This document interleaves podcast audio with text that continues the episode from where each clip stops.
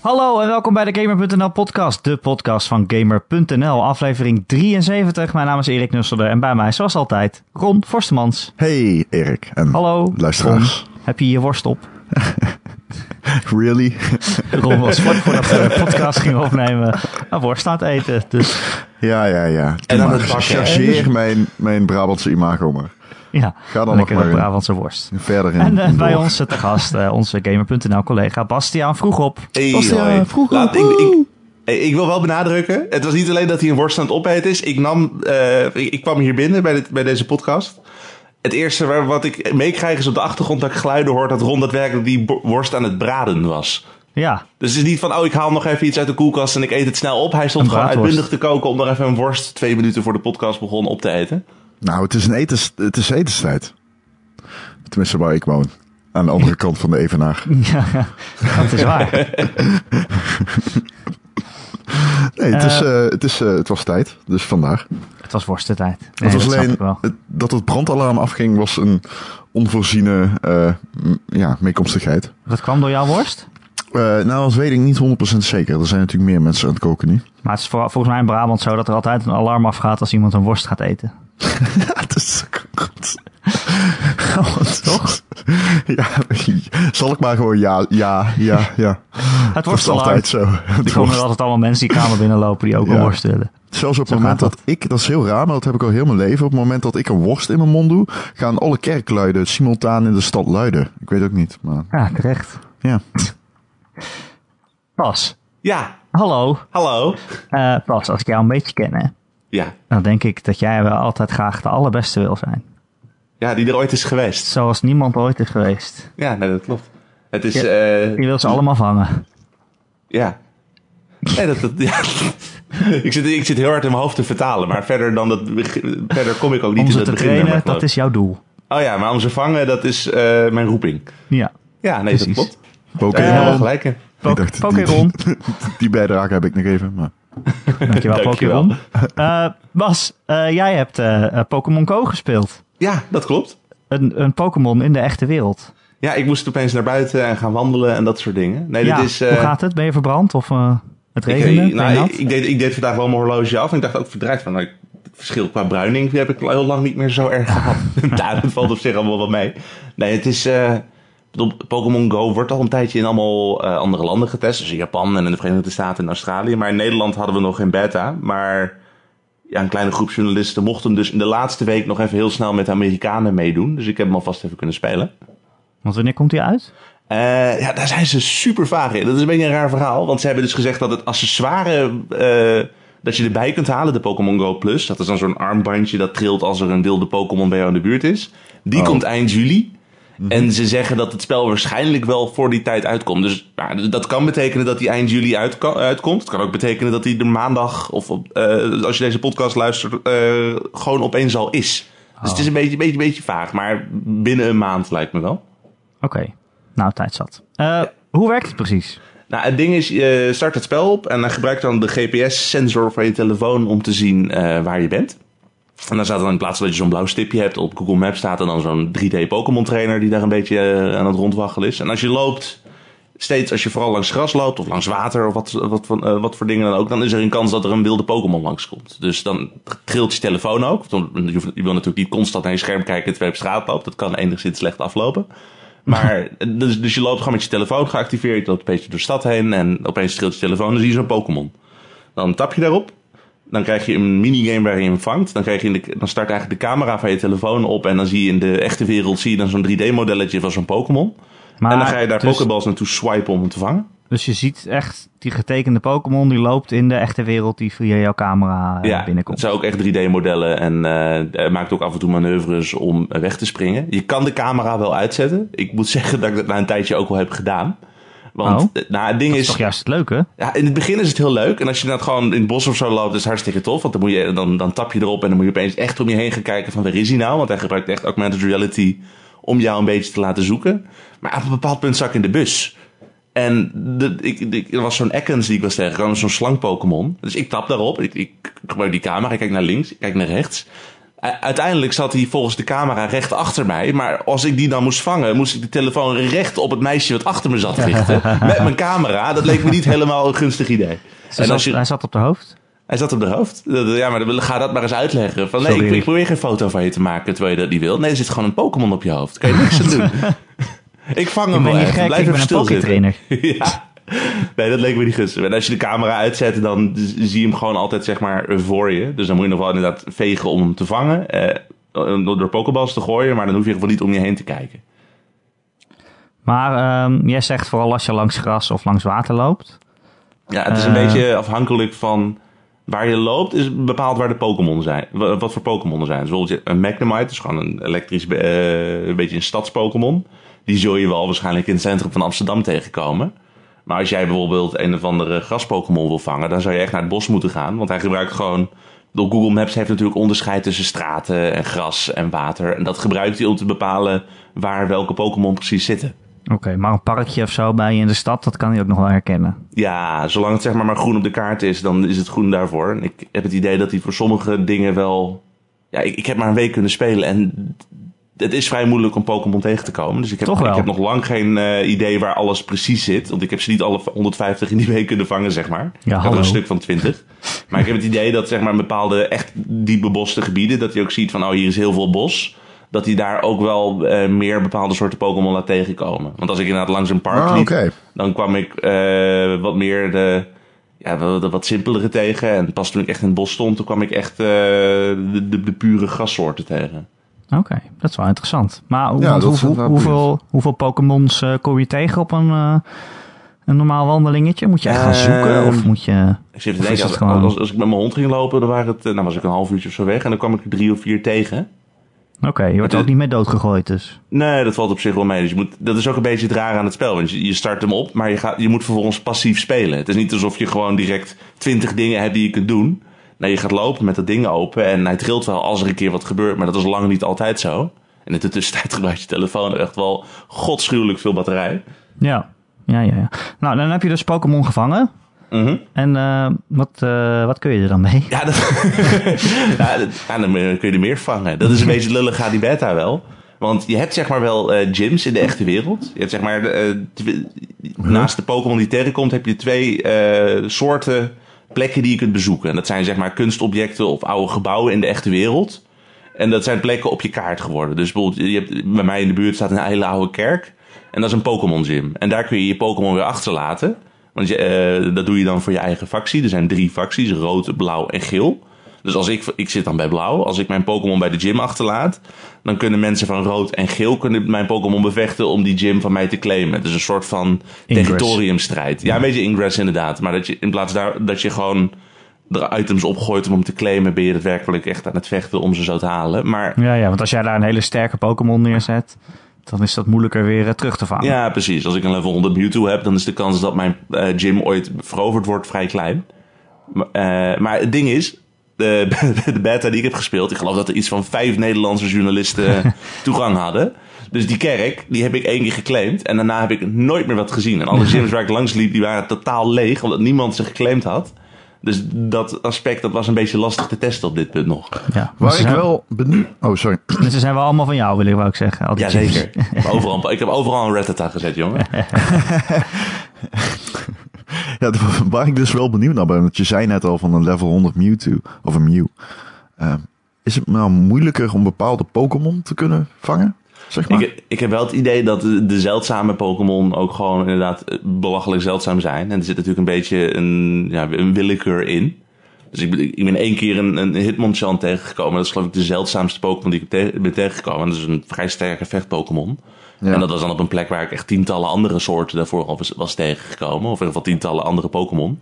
Ja. Dus ik, ik heb het idee dat hij daar inderdaad wel enigszins rekening houdt met dingen. En ik heb het vermoeden dat er is ooit echt zo'n concepttrailer geweest voor Pokémon Go... waarin je dan echt allemaal eh, mensen tegelijkertijd opnieuw op de Times Square zag... Waarop ze, Ja. waar ze allemaal tegelijkertijd Mewtwo probeerden te vangen. Ja. Daardoor krijg ik een beetje het idee dat ze bepaalde Pokémon voor evenementen bewaren. Oh, ja. Dus misschien dat er inderdaad gewoon eens een keer op eh 31 december op Times Square daar een Mewtwo rondzwerft. En dat het idee is dat je hem daar dan kan vangen. ja. Maar echt de, de, legendarische Pokémon, de- Zo'n grappig idee natuurlijk, hè? ja. ja maar Heb dat is echt, Hm? Oh, ja. Ja, ik, nou, vertel. Ik ga vooral verder. Oh nee, maar dat, dat is iets wat Ingress natuurlijk ook al heel vaak gedaan heeft. Ingress is natuurlijk veel meer puur gericht op de territoriumstrijd. Maar daar, daar zijn ook grote evenementen voor georganiseerd. Dat was dan ook echt in de spelwereld dat er dan een anomaly ergens was. En dat je dan met z'n allen ergens naartoe kon gaan om daar eh, voor jouw team te strijden. En dat, dat waren hele sociale evenementen. Dan gingen mensen achteraf met elkaar borrelen, gingen ze andere dingen doen. En er ging een beetje een leuke concurrentiestrijd met het andere team. Ik denk dat dit spel dat ook wel gaat doen op die manier. Ja, dat is bijvoorbeeld eh, dat er één legendarische Pokémon ergens in Nederland is. En iedereen krijgt dan een berichtje van je moet het daar en daar zijn zo laat. Ja, En dan iedereen Ja. die er zin in heeft, die kan er dan heen gaan of zo. Ja, precies. Ik, ik, En- ik denk dat dat wel gaat gebeuren. En hoe level je dan precies je Pokémon? Ehm, ik, eh, deels door ze in gyms achter te laten. Dus dan, nou, Oké. naarmate jouw Pokémon meer Pokémon verslaat, dan groeit hij een level. Ehm, als je niet in een gym wil zitten, wat, wat ik dus inderdaad ook niet kon. Je kunt ook eh, gewoon door steeds nieuwe Pokémon te vangen, eh, krijg, je, krijg je steeds meer eh, bepaalde punten. Stardust heet dat uit mijn hoofd, geloof ik. Ik kan er nu niet meer in kijken, omdat hij down is. Eh, en je krijgt, als je dezelfde soort Pokémon steeds vangt, krijg je, krijg je er snoep van. Dus als ik heel veel Pikachu's vang, krijg ik heel veel Pikachu candy. En steeds als ik eh, een beetje van die Stardust en één candy gebruik, dan kan ik een Pokémon ook weer upgraden. Of je kan heel veel van die candy verzamelen en dan kan je hem evalueren. Dus ja, het komt eigenlijk op neer dat als je een bepaalde, bepaalde Pokémon heel erg wil levelen, moet je er heel veel van dezelfde vangen. En constant er dat in blijven pompen. Maar het betekent dus ook dat iedere Pokémon die je tegenkomt, heb je ergens weer wat aan. Want ook al heb je bijvoorbeeld al een Pikachu gevangen, als je die tweede haalt, dan kan je huidige Pikachu weer beter worden. Iedereen wil natuurlijk Charizard, neem ik aan. Dat is de coolste, toch? In het begin van de beta kon ik kiezen uit een van de drie starters. Dus de Squirtle, Bulbasaur of Charmander. Ja, en toen Ik ging weet welke jij koos. Ik, Ja, eh, jij, jij ging blauw. Ging, Oké. Balbasoor. ja, ik, ik- ja. Wel? Oh, dat sowieso. De- de- ik- ik- waarschijnlijk heb je enkel de woordgrap om dat op te baseren. Maar dat is Ja. wel degene waar ik altijd Deze woordgrap is gisteren al verzonnen. Basbasoor. Nee, maar het is, de Charizard heb je zo gehaald hoor. Dat is, eh, sterker nog, eh, die starter Pokémon zijn dus belachelijk makkelijk te evalueren. Want daar heb je maar voor die eerste evolutie één candy voor nodig. Oh. En die eerste candy krijg je al als je de eerste keer eentje vangt. Dus als jij een Charmander hebt, is dat direct al een Charmeleon. Dus dan hoef je alleen nog maar naar een Charizard toe.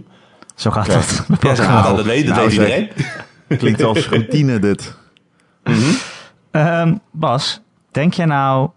Ja, hoe moet ik het vragen? Is het leuk? Denk je dat het lang leuk blijft? Ja, Is dat het is leuk, nou, maar ik vind dat serieus wel lastig om nu al te zeggen inderdaad. Want wat ik, zonder de andere spelers erin en zonder die gyms erin... Het enige wat ik inderdaad deed was vangen om het vangen.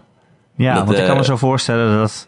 eh, soms ga je misschien expres naar buiten om Pokémon te vangen. En soms ben je gewoon misschien buiten en dan gaat dat ding af. En dan denk je, ja, oh, nou ja, heb je weer een Pokémon. Daar heb ik eigenlijk niet zo'n zin in meer. Ja, nou, bij mij was het inderdaad ook van... Ik, op, op het einde van die eh persbeta... Het enige wat ik eigenlijk nog maar deed was het doen als ik toch al even naar buiten was. Dus ik ging er... In de eerste dagen ging ik echt bewust op uit. Ging ik echt van, oké, ik ga hierheen. En dan ging ik naar die Pokéstops. Dat zijn dan weer andere plekken waar je items kunt krijgen. En dat, dan ging ik echt bewust op pad. Van, oh, dit is mijn route. Dan ga ik hier even langs. Maar later is het van, nou, ik moet nu toch met de hond. Ik ga het maar even proberen. Of ik ga nu toch naar het kantoor. Nou, laat ik even lopen met de dingen aan. Maar het is ook omdat het zeg maar. Je, moet je moet je voorstellen dat als dat spel draait. dan ben je constant dus je GPS-locatie het opvragen. De, je, je personage is 3D. Er hangen wat simpele 3D-objecten in die, in die wereld. Je batterij gaat echt absurd snel leeg. Dus als je, ik, ik denk dat je na een tijdje inderdaad ook geen zin hebt om dat ding een half uur aan te hebben. Want dan moet je gewoon daarna gewoon de rest van je dag niks meer doen met je telefoon. als je nog een beetje met eh, sap thuis wil komen. ja, ja, maar ja. Dat is Ja, ook oké, wel. Dus het vreet wel echt veel batterij. Ja. Dat is dan wel een groot probleem En natuurlijk. dat, dat is het geniepige ook. Want een, je zou denken dat een smartphone game kan natuurlijk heel makkelijk een notificatie sturen. Van als er een Pikachu is, dan kan hij eigenlijk net als WhatsApp bijvoorbeeld een berichtje sturen. Nee, Ja. er is een Pikachu in de buurt. Maar draait het niet gewoon achter, op de achtergrond en je krijgt een berichtje als, het, eh, als je iets tegenkomt? Ah, het draait wel op de achtergrond en het kan een berichtje sturen. Maar dat berichtje gaat dus alleen maar naar die Pokémon Go Plus armband. Oh, dus die, die en die, gewoon, ko- eh, die, die kost 40 euro. Oh, wat, wat nasty. Het is ergens nasty, maar ergens ook weer oké. Ik bedoel, het is een gratis game. Ik bedoel, stel je voor, je bent echt zo dedicated dat jij denkt van... ik wil hier echt al mijn tijd in stoppen. Ik ga hier tientallen uren in steken. Dan vind ik het niet heel onredelijk om één keer 40 euro uit te geven.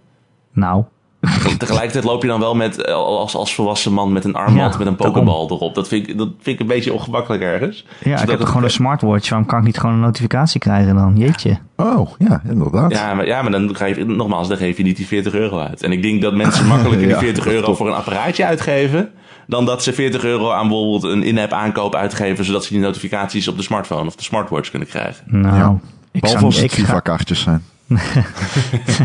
ik ga echt niet met dat, met dat ding eh, omlopen, sorry. Maar dat, daar, ik wil best 40 euro aan een spel uitgeven, dat is geen probleem. Maar, Nee, maar niet ik om heb zo'n ding om te horloge. doen. Ik Ja, heb ook echt een verschillende horloges. En moet ik dan echt, als ik, zeg maar, ik vind het leuk om er één uit te kiezen. Dus ik, dat doe je bewust ochtends, zeg maar.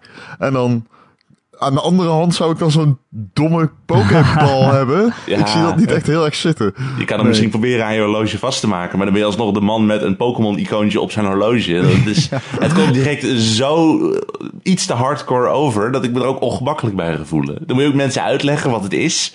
Iedere Oh ja, keer als het tuurlijk, gevraagd wordt. Van, oh, dat is voor Pokémon toch? Dat is voor kinderen toch? Ik bedoel... Ik ben, ik ben dol op die hele franchise, maar er zijn, ik, ik ben blij dat lang niet iedereen weet dat ik daar fan van ben. Want dat gesprek wat je er steeds uitkrijgt, joh. Eh, maar ik neem toch aan dat er ook in-app aankopen zijn. Dan die snoepjes en zo, dat je die ook los Ehm, kan kopen. Nou, je hebt dus zeg maar, ik bedoel, je hebt natuurlijk een beperkt aantal Pokeballs en potions. Tuurlijk. Eh, die kan je, je kan zeg maar dus naar zo'n Pokestop toe lopen en dan kan je eens per vijf minuten kan je daar gewoon overheen swipen en dan, eh, ja, dat heet echt Pokestops, ik weet het. en dan, eh, en dan krijg je daar gewoon willekeurige items die je kunt oppakken. Dus dan vind je weer drie Pokeballs of je vindt af en toe een ei wat je kunt uitbroeden door weer te gaan lopen. Ja, Eh, zo gaat maar- het met de eieren. Zodra je gaat lopen, Ja, dan komen ze uit. Dat doen vogels ook gaat altijd. Ja. Als je een vogel over je straat lopen, dan weet je hoe dat komt. Als, als, die, als die vogel de hele dag stil zit, dan gebeurt er niks met het ei. En dan, nee. Nee. nee, dat gaat, die gaat niet. Nee, maar de- je kunt die items zeg maar ook zeg maar, kopen met eh, echt geld. Dus als je bijvoorbeeld als je te weinig pokeballs hebt, als je inderdaad die super zeldzame Mewtwo aan het vangen bent bij zo'n event, nou, dan zou je misschien geneigd zijn om 2 euro voor 100 pokeballs uit te geven. Zo. Maar wat ik ervan merkte, is het eh, heel erg redelijk naar. Ik bedoel, ik heb, me nooit, ik, ik heb geen cent uitgegeven. Dat kon in die beta ook eh, bij mij niet. En ik heb nog nooit het gevoel gehad van... oh jee, eh, wat is het spel oneerlijk met hoe weinig items ik krijg. Ik had eigenlijk altijd wel genoeg pokeballs bij me. En eh, die, die potions is wat lastig zeggen. Want nogmaals, ik kon niet vechten. Dus ik had geen reden om eh, mijn Pokémon te genezen. Maar het valt me eigenlijk eh, ja, het valt me heel erg mee. Dus ik heb echt het gevoel dat het verdienmodel... puur op die Pokémon Go Plus armband is toegespitst. Oké. Maar voor de duidelijkheid, jij vindt het dus wel leuk. Ik vind het.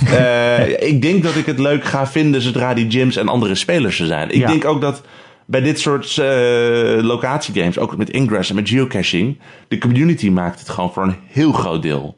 Ik bedoel, het is een beetje alsof ik World of Warcraft in mijn eentje heb gespeeld op dit punt. Dan zie ik van, van oh, dit kan heel tof worden, dit kan heel tof worden. Maar nou, als je je uppie doet, is, het er, is er ook maar heel weinig aan. Het stukje Maar- competitiviteit, hè? Je wilt elkaar aftroeven natuurlijk. Ja, Dan heb je motivatie. ja nou, maar, je eh, niet. aftroeven en samenwerken. Dat, ik bedoel, ik weet niet of jullie, hebben jullie Ingress gespeeld? Nee. Een klein beetje, om te kijken wat het was. Maar Ah. Oh, Erik, jij woont in Leiden, hè? ja, Ben je ooit in aanraking gekomen met de Leidse Ingress-spelers? ik heb geen idee. Ik denk het niet. Zijn Want die de- hardcore? Nou, dat is mij daar dus... Ik bedoel, ik, ik woonde in Leiden toen ik ooit Ingress probeerde. En ik weet nog dat ik ergens in het park of zo was ik bezig. En dan liep ik gewoon naar zo'n portaal en dan tikte ik erop en dan was ik de puntjes aan het scoren. En dan was er een jongen op een fiets. Die had echt gewoon, eh, de achteraf bleek ook dat drie van die externe accu's in zijn jas zitten en alles. Nee, en die was echt keihardcore. En die is me uiteindelijk aangesproken van, ben je groen of blauw? En Ja. dan, eh, ik, ik, ik, ik ben blauw. Oh, gelukkig. Oké, dan hoor je bij ons. En eh, ik ga je in een, een, een groepschat gooien en dan kunnen we coördineren dat we er samen op uitgaan en dat soort dingen. Ze waren veel te hardcore voor mij op dat punt, moet ik eerlijk bekennen. Maar als je, als Maar je dat groen had gezegd, dan had hij je gewoon in elkaar geslagen. Ja, dan had, dan had ik niet bij deze podcast gezeten, denk ik. nee, maar dat is wel de- dat community gevoel. Je gaat bij jou in de buurt eh, ook gewoon Pokémon-spelers tegenkomen die dezelfde kleur hebben als jij. En dan ga je samen naar, misschien wel een keer naar gyms. Of je komt... Je, iedere keer als jij bij een gym staat ook en je ziet iemand op zijn smartphone bezig, ga je altijd denken van... Oh, die is misschien Net wel aan het vechten op dit moment. Is hij Ja. aan het spelen? Is hij aan het spelen? En je kan een praatje maken. Je kan, je kan ook gewoon weglopen. En dan blijft hij gewoon te wat zitten whatsappen met zijn vriendin. En dan sta je daar- ontzettend voor lul. Ja, hij is toch geen nerd, joh? Maar ik weet dus dat jij team blauw bent. Ja, Waarom ben je geen team rood? Rood is toch de kleur van de overwinnaar? Ja, blauw, blauw is voor mij puur sentiment qua Pokémon sowieso. Want ik heb gewoon als kind in, wat was het, 1996 of zo kwam het uit? De laatste Ja, 20 Turtles jaar. Blue? Ja, ik heb Pokémon. Blue. Dat was mijn eerste had Pokémon ik had Ah, red, ja. heb, je de verkeerde keuze gemaakt al. als kind? Nee, Jammer dit. Is dat zo? Heb ik dit, was voor mij dat op, bij mij op het schoolplein, want zo lang is het inmiddels ook geleden, waren er heel veel mensen met Pokémon Red. Dus ik dacht, ik maak de strategische keuze. Ik doe Blue, want dan heb ik al die exclusieve Pokémon die ik kan ruilen, zodat ik mijn collectie compleet kan maken. Want al die mensen hadden natuurlijk Red, dus die konden al hun exclusives aan mij geven. Je maar van mij waren nagedacht. veel meer in trek. Ja, zeker. Ja, ik denk, nee. Bij mij was het gewoon, hé, hey, rood, dat is de kleur van bloed. Go. het is overigens, even serieus. het is echt zo dat de rode teams vaker winnen in multiplayer games. Het scheelt maar 1%, maar dat is zo. Red versus blue met rood vaker, ja. Maar is, dat, is dit een statistische... Ja, dit is statistisch gegeven. Dat is overigens ook zo in het voetbal, maar dat is ook zo in multiplayer games. Oké. Maar kan je, kan je inmiddels in multiplayer games ook de kleur van je team kiezen? Want ik word altijd gewoon in een Nee. hokje gegooid. Hoe bedoel je precies? Nou, bedoel, Overwatch ben je geloof ik altijd dezelfde kleur sowieso, hè? Maar Kleur, ja, je hebt niet echt een kleur, hè, in Overwatch. Ja, ja, ja, het wordt natuurlijk wel aangegeven welke de tegenstander is met rood. Ja, maar die krijgt als ik denk aan een andere silhouet. shoot, dus ik, bedoel, ik kom in een team terecht. Maar het is niet alsof ik kies van, oh, ik zit in rood of ik in blauw. De matchmaking doet dat eigenlijk wel voor me. Eh, Je bedoelt de kleur van het team waarin Ja. je zit. Mhm. Nee, dat kun je niet kiezen. Ja, je kunt de Battlefield wel switchen naar het andere team. Of zo. Maar wat zeggen die statistieken dan eigenlijk? Ik bedoel, als je, dat, dat mensen die niet mogen kiezen, dan... Nou, je kunt soms wel kiezen. Je hebt er ook custom games en zo. Dat, ik denk zo? dat mensen bang worden van de kleur rood. Of eh Nou, geïntimideerd. rood is intimideerd. Ja, precies. Rood is sowieso een agressievere kleur. Want het idee is dat agressieve mensen beter zijn in multiplayer games. Hè? Ah. Agressieve speelstijl althans. Vandaag eh, is rood. Ja. Nou, ja, nou, dat is een, een serieus gegeven. Ja. Leuk. Eh, Maar daarom ben je dus blauw. Maar ik ga dus rood en winnen. ik ga- Ga, ga je echt, ga je echt eh, rood? Want als, als jij dus rood gaat en ik ga blauw, dan kunnen we dus nooit ook samen optrekken om lekker als een stel nerds eh, bij Kerk oké. Pokémon Dat, te dat is waar. Ik strijk over mijn hart en ik ga voor blauw. Ah, gelukkig. Spannend. Ook alle voor mij. podcastluisteraars gaan voor blauw. Ja, ga Ja. maar voor blauw, jongens. Straks is iedereen in Nederland blauw. Dan heb je ook niks te zeggen. Hebben we de game verpest? Verdorie. Eh, ik heb ook wat gespeeld. Hey. Nee, namelijk eh, de game eh, Inside. Ja, heb je hem al binnen? Oh, Wat? heb je hem al Ja, binnen? heb ik ook binnen. Maar daar wou ik Nee, niet dat over was een flauwe grap dit. maar Eh, oké, Nee, Inside. Dat is de nieuwe game van de makers van Limbo. hij snapt hem nu pas. Ja, nee, oké, ga verder. Eh, en die heb ik gereviewd en ik dacht, ik heb best wel een goede cijfer gegeven, 7,5. En blijkt, blijkt gewoon de laagste van de hele wereld te zijn.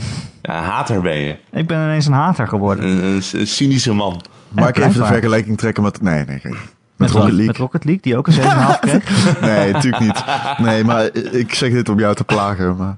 Ga verder, Erik. Nou ja, eh, eh, Inside is dus ja, eigenlijk hetzelfde soort spel als Limbo. Het is Ja, een maar dat moet je eh, even uitleggen, want wat is het dan? Ja, geef Het ons is- even de inside scoop. Het is een heel sfeervolle eh, eh, pla platform puzzelspel. Het Ja. is eigenlijk heel licht eh, platforming. Je moet wel een beetje springen en, eh, en zo. Maar het, het komt niet heel erg op skill aan eh, wat dat betreft. Eh, het gaat dan vooral om de puzzeltjes die je moet oplossen. Nou, je speelt als een klein kind, net zoals in Limbo eigenlijk. En je kan op de meest gruwelijke manieren doodgaan. Ja? Vertel. Het zijn eh, in het spel allemaal eh, wachters en wetenschappers en honden die zijn naar jou op zoek. En je moet eigenlijk uit het zicht blijven, want anders komen ze naar je toe rennen en dan nou ja, draaien ze echt gewoon je nek om. Het is een stealth game. Het is, dus- ja, het is ook een soort van stealth game. Ja. De puzzel is eigenlijk hoe kom ik ergens langs zonder gezien te worden. Eh, soms. Maar vaak is het ook, eh, ja, eh, duw een kratje op een knop zodat de deur open blijft. Maar hoe krijg je dat kratje daar en zo, de- dat soort dingen. Ehm, ja, de puzzels, ja, het is net zoals in Limbo. Ik vond ze eigenlijk niet zo heel moeilijk. Ik ben er best wel snel doorheen gelopen. Ehm, en ja, wat ik zeg, het zijn vooral dingetjes van ja, hoe hou je de deur open? Er zit toch wel een leuke, leuk iets in dat je eh, met een soort computertje, dan kan je eh, andere poppetjes besturen. Het zijn een soort van slaven, die, eh, hersenloze slaven die, die jij dan onder controle kan krijgen. En dan Oké. moet je ze dus een bepaalde kant opsturen, zodat ze jou kunnen helpen om een deur open te doen of zoiets. Of zodat ze jou kunnen, omhoog kunnen gooien, zodat je wat hoger, hogere platforms kan bereiken. Oké. Nou ja. Ja. dat soort dingetjes, weet je. Ja. Echt. En dan lees ik in jouw recensie Ja. dat het vreemd is. ja. En dan denk ik, eh, vreemd. Dat is eh omni-interpretabel. Ja. Nou ja, ehm, Limbo was natuurlijk ook vreemd, hè? Het, het is dus, Ja, net zoals een Limbo is Inside een spel waarin je gewoon als kindje, je vult als een kindje, je wordt in een wereld gedropt, een heel donker, grijze wereld. Je krijgt eigenlijk helemaal geen context mee, geen, Nee. geen cutscene of geen verhaal. Je hebt geen idee wat er aan de hand is. Het is gewoon aan jou om gewoon te gaan lopen en, en te kijken wat er gebeurt. Eh, in Limbo was dat hetzelfde, maar eh, toen ik Limbo had uitgespeeld, ehm, toen had ik wel een soort van emotionele connectie ermee. Weet je? Ja, er zat wel een einde in. Ja, heb jij hem uitgespeeld, Ron, toen? Ja, ja. Ja, nou dan, ik wil het niet spoilen, maar dan weet je wel waar ik het over heb. Dat, Ja, dan weet ik waar je het over hebt. Maar jij weet net als ik dat jij het ook niet weet, zeker, wat er... Je weet niet zeker wat er gebeurd is aan het eind van Limbo. Je weet niet zeker waar het spel nou precies over gaat. Maar je krijgt wel genoeg aanknopingspunten eh, om over na te denken. Ja, nou ja, Limbo is een combinatie van een scène aan het einde plus de naam. En dan mag je zelf de, kno de, de touwtjes aan elkaar knopen, zeg maar. Ja, precies. En, dat, Dat, dat is wel tof, ja. en je hebt gewoon iets om over na te denken. Want je kan denken, oh, betekent het dit? Of is het misschien dit? Of gaat het misschien hierover?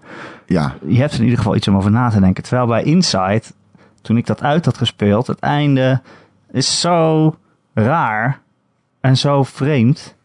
Ja, ik kan het eigenlijk niet uitleggen zonder te spoilen. Maar in ieder geval komt het erop neer dat het niet, bij mij althans, niet diezelfde emotionele eh, connectie heeft. Omdat ik, ik, ik, ja, ik heb gewoon niet iets om over na te denken eigenlijk. Maar Ja, is het, ehm, wat, ik, wat ik erover nadenk is, jezus, wat is dit vreemd. Waar gaan we maar het in vreemd over? als in is het dat het ontbreekt aan een emotionele laag? Ja. Of is het vreemd dat het speelt met de wetten binnen het Limbo-universum?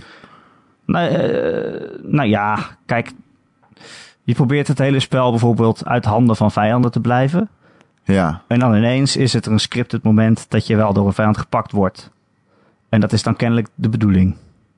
Oké, dat laatste dus. Nou, dat is naar. Eh, dus dat is iets waarvan ik denk, ja, wat, ja wa- waarom dan? Maar het verhaal, verhaalgewijs wordt het echt gewoon, ja, hoe moet je dat zeggen? Vreemd en raar. En eh, het is gewoon niet iets waar, je, waar ik althans op een logische manier over na kan denken van wat dat verhaal technisch nou precies betekent. Misschien had je stoned moeten zijn. Dat zou goed kunnen hoor. Ja, nee, meen kunnen. ik. Dat zou zomaar kunnen. Ja. Ja, Nee, oké. Dat maar is wel... ja, het is eh, dus een spel. Ik was er in, in, drie uur, in drie uurtjes mee klaar. Omdat, ja, wat ik zeg, die Wauw. puzzels, puzzels zijn niet zo moeilijk. Dus ik Drie uur? echt al gewoon Oh, maar eh, online was ik echt 4 tot 5. Ja, ik weet niet of ik gewoon snel was dan, maar Je bent gewoon een betere gamer. De, Ja, daarom heb je ik heb gewoon skills. gegeven. ja, Erik. dat zou Ik heb. Erik zien gamen, helaas. Ja, dat, maar dan heb je het over shooters. Hey, maar wat je net noemde, hè, over dat je inderdaad de hele tijd vijanden aan het eh, vermijden bent. En daarna is er zo'n scripted moment waarop opeens een vijand je vangt. Is dat, iets, is dat ook niet een beetje lui? ja, zie, dat soort dingen vind ik dus...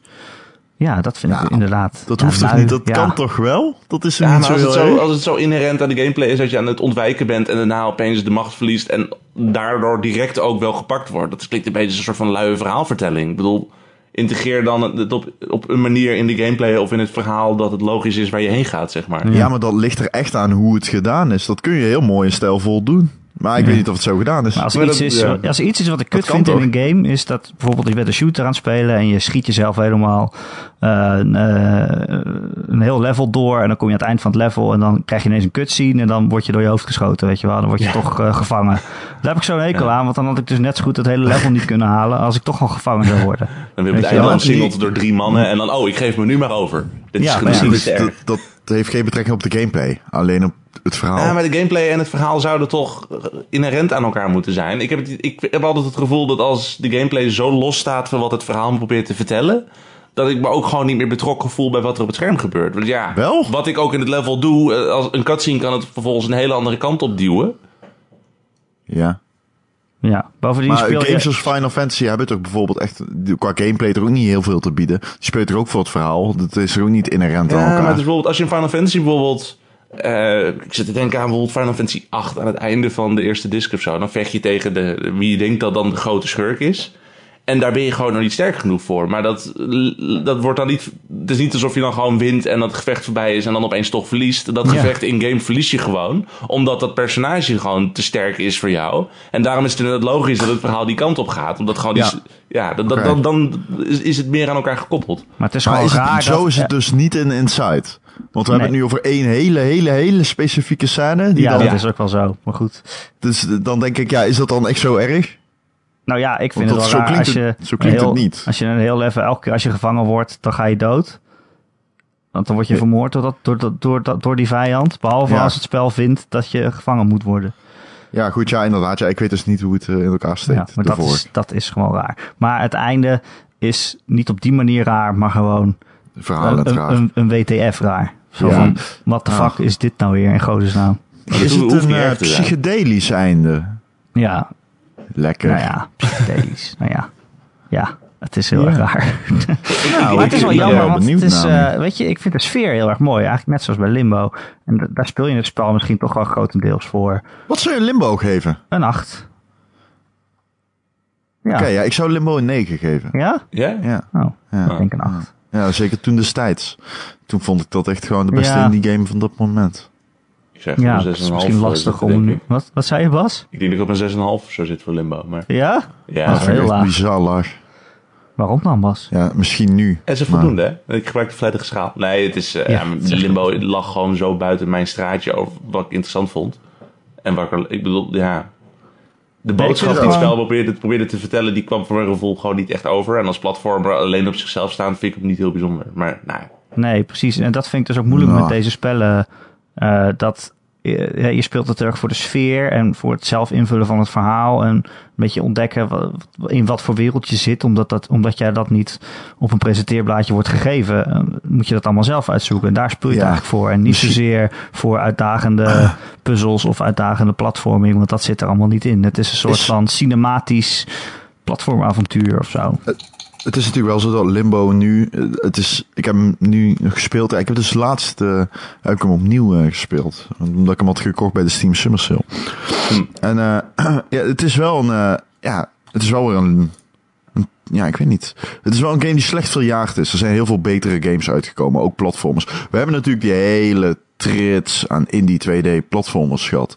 En die is echt daarna gekomen. Ja, en- De en Limbo was inderdaad en het begin zo. van de indie een beetje bijna. Dus met samen Ja, met Brave ja, ja. en Super Meat Boy, een beetje die periode van wow, dit is een heel nieuw iets. Ja, en downloadable maar games toen- en dit wordt het helemaal. Precies, maar toen vond ik dat echt super tof. Ik denk dat die wel nu zou die inderdaad lager scoren. Want je hebt er gewoon een hele trits gehad. Maar, dus als ik begrijp is Insight een beetje zo. Is dat dan niet Het de reden dat hij wat eigenlijk lager op de schaal eh, terechtkomt? Ja, ik, het is gewoon meer limbo eigenlijk.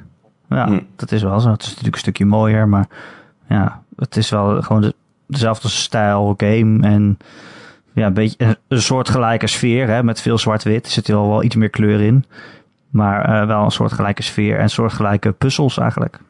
Ja, Ja. oké. Maar Ja, is het ook bij dit soort games niet logisch ook dat er inderdaad gewoon wat variabelen zitten in... eh, of dat mensen zeg maar afwijken in wat ze ervan vinden? Ik bedoel, dat, Ja. jou, dat jouw 7,5 tegenover een 10 staat van iemand anders. Nou ja, Ik weet bedoel, je, ik vind een 7,5 eh, helemaal geen slecht cijfer als ik eerst Nee, ben. Ik vind het gewoon, Nee, kijk, vind het is goed niet. op onze schaal volgens mij. Het is een dikke voldoende hoor. Maar niet Ja. om jou weg te zetten Het is op een goed, of zo. eh, Maar zelfs. ik, ik denk dat... Nee, maar ik, ik denk dat zeg maar bij dit soort spellen waar die ook inderdaad zo'n intieme eh, ervaring bieden. Dus inderdaad iets, iets heel persoonlijks proberen over te brengen wat iedereen anders kan interpreteren. Ja, dan interpreteert ook iedereen het anders en dan heb je andere cijfers. Ik bedoel, Ja. als, je, als je kijkt naar bijvoorbeeld vooral vroeger, toen er vroeger nog van die AAA-spellen allemaal ge- gereviewd werden. We we hebben nog een tijd gehad dat, dat toen games besproken werden, dat er echt gewoon feitelijk werd gekeken van nou, wat voor cijfer geven we de graphics? Wat voor cijfer geven we de muziek? Wat voor cijfer geven we de gameplay? Ja, en als je er zo feitelijk naar kijkt, dan zit je heel dicht op elkaar. Maar dit is, ja, ik bedoel, dit soort spellen hangen veel meer naar de kunsthoek. Ik bedoel, on- ongeacht Ja. wat voor cijfer die eraan hangt. En ik kan me prima voorstellen dat iedereen een andere interpretatie heeft. Dus ach, Ja, ja, ik- het draait een beetje om de ervaring bij dit soort games. Ja, precies, eh, Ron. Maar eh, ja, het- toen het embargo verliep, en ik zag dat al heel veel grote sites toch eh, tienen en 9,5 gaven, was ik wel even verbaasd. Maar het, ja, het is gewoon, het heeft niet dezelfde snaar bij mij geraakt of zo, denk ik dan. Want heel veel sites Ja, die schermen met niet zo van, erg. kunst, kunstwerk en, en em- emotioneel pakkend. En dat heeft het bij mij niet gedaan. Maar dat is inderdaad wat je zegt, Bas. Is heel, eh, hangt heel erg van de, van de individu af en van de persoon die het speelt. Ja. Ja. Maar ja, ik zou ook niet de nadruk bij gameplay, op gameplay leggen in dit soort spellen, denk ik. Nee, Ja, maar het, het kan zo zoveel dingen. Ik bedoel, het kan zelfs deels afhangen van hoe je nu in het leven staat als je het spel speelt. Misschien speel je het over tien jaar en is het opeens een tien voor je. Omdat je gewoon een andere kijk op dingen hebt. Ja, Ja. nee, het En- het cijfer is ook alleen maar een momentopname wat, van wat één persoon op dat moment vindt. Ja. Heb, heb jij, maar Erik, als je hem nu, eh, je hebt hem nu gespeeld, je geeft hem 7,5. Maar volgens mij is het dan wel Schande, zo. schande. Schande, schande. Nee, natuurlijk niet. Nee, shame. Nee, sorry. Veel Game of Thrones references. Ehm, maar eh, heb je hem nou, heb je nou zoiets van, nou, ik kan hem wel echt gewoon iedereen aanraden. Het is wel, ik wil dat de rest hem speelt, want ik kan me voorstellen dat het wel zo'n 7,5 is, als je begrijpt nou, het is geen game die iedereen kan aanraden. Nee, Nee, dat moeten wel de mensen zijn die het van games die, op, die zich op Ja. kunstzinnige manier uiten, die daarvan houden. En er zijn een Ja. heleboel mensen die daar al, die dat al gelijk afwijzen. Dus, eh, Nee, oké, maar je weet zeg maar wel een beetje de hardcore gamer die al wat indies achter de kiezen heeft. Die kun je deze toch wel eh Ja, aanraden, zeker. Of Het is goed het ziet er zo lekker uit, man. Het is een goed spel, maar je moet wel even weten wat je gaat spelen natuurlijk. Dat, het niet, eh, dat je niet breinbrekende puzzels krijgt of zo. Nee, het is niet iemand dat het die... je niet uitdaagt, maar dat het gewoon een, een nou, wat je zegt inderdaad, een, een leuke ervaring is. Maar niet dat, dat je uitgedaagd wordt als gamer. Weet je wel? Dat is toch wat anders. Eh, ja, in zekere zin. Ehm, Ik denk het wel. Het is ook geen game die iemand aanraadt die alleen zijn hele leven lang FIFA heeft, ge- heeft gespeeld. Precies. Ja, van Call of Duty. Nou, heb ik wat voor jou? ja, ja. Ja, precies. Eh, Ron, we hebben een brief gekregen van een luisteraar. Oh. Eh, Jezus, jij vertelt dit nooit van tevoren tegen nee, mij. dat ik ont, ont- Ben je verrast? Ik herinner Ja. me altijd halverwege de podcast. dan denk ik, oh ja, was er niet ergens nog een brief? En dan doe ik ondertussen mijn mail open. En dan zie ik een brief van Garia666. Eh, en die vraagt... eh, nou, hij vraagt eigenlijk vooral of we uitkijken naar de Summer Games Done Quick. Dat Oh. begint 3 juli. Dat is Ja. gisteren als deze Ja. podcast uitkomt. En Ik morgen voor ons. Ja, ik heb gisteren geke- eh, gekeken. Zeker. gaat gisteren Alleen gekeken hebben. passief. Wat, wat was het goed, hè? Oh, sorry. Ik bedoel, ehm, ik heb nog niet gekeken. Pardon. Nee, Is dat eigenlijk iets waar... Jij, jij houdt er toch van, Ron? De ik hou er heel van. Ik hou er heel erg van. Ja, ja ik vind het tof. Heb je Ja, al het kijk schema ieder jaar, gekeken? ieder half jaar. Nee, nee, nog niet. Nee, ik moet even in de verleden tijd praten natuurlijk.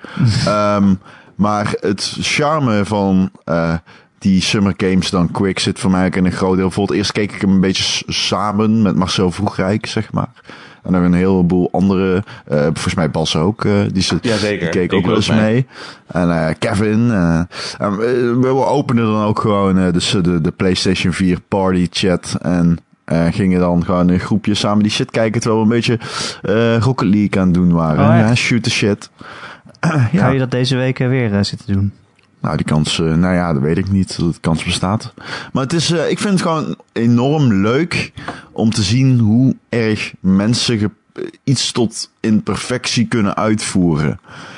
Ik bedoel, als je zo'n, zo'n, zo'n, eh, nou, noem eens iets, Rayman run ziet, dat is, dat is nou echt pixelprecisie.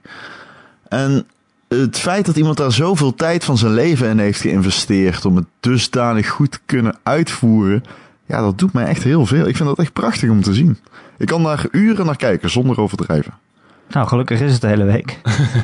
Ja, en het, en het mooie is natuurlijk in het geval van Summer eh, Games Done Quick inderdaad, waarop eh, dat is ieder half jaar en eh, veel bekende, veel onbekende, veel oude, veel nieuwe games eh, komen aan bod. De speedrunners, eh, even daarvoor geldt precies hetzelfde als voor de games, onbekend, soms niet. Soms runnen ze, zijn ze, zijn ze helemaal vers in de scene.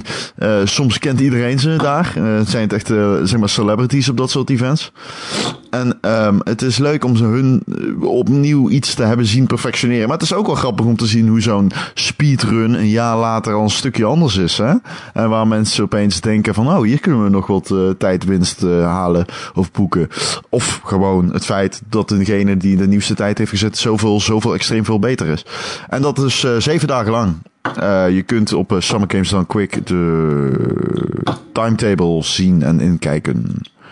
En het gaat allemaal naar een goed doel. Wat ik zelf echt zo tof aan vind, is dat... Ik, bedoel, ik vind het idee van speedruns echt super tof.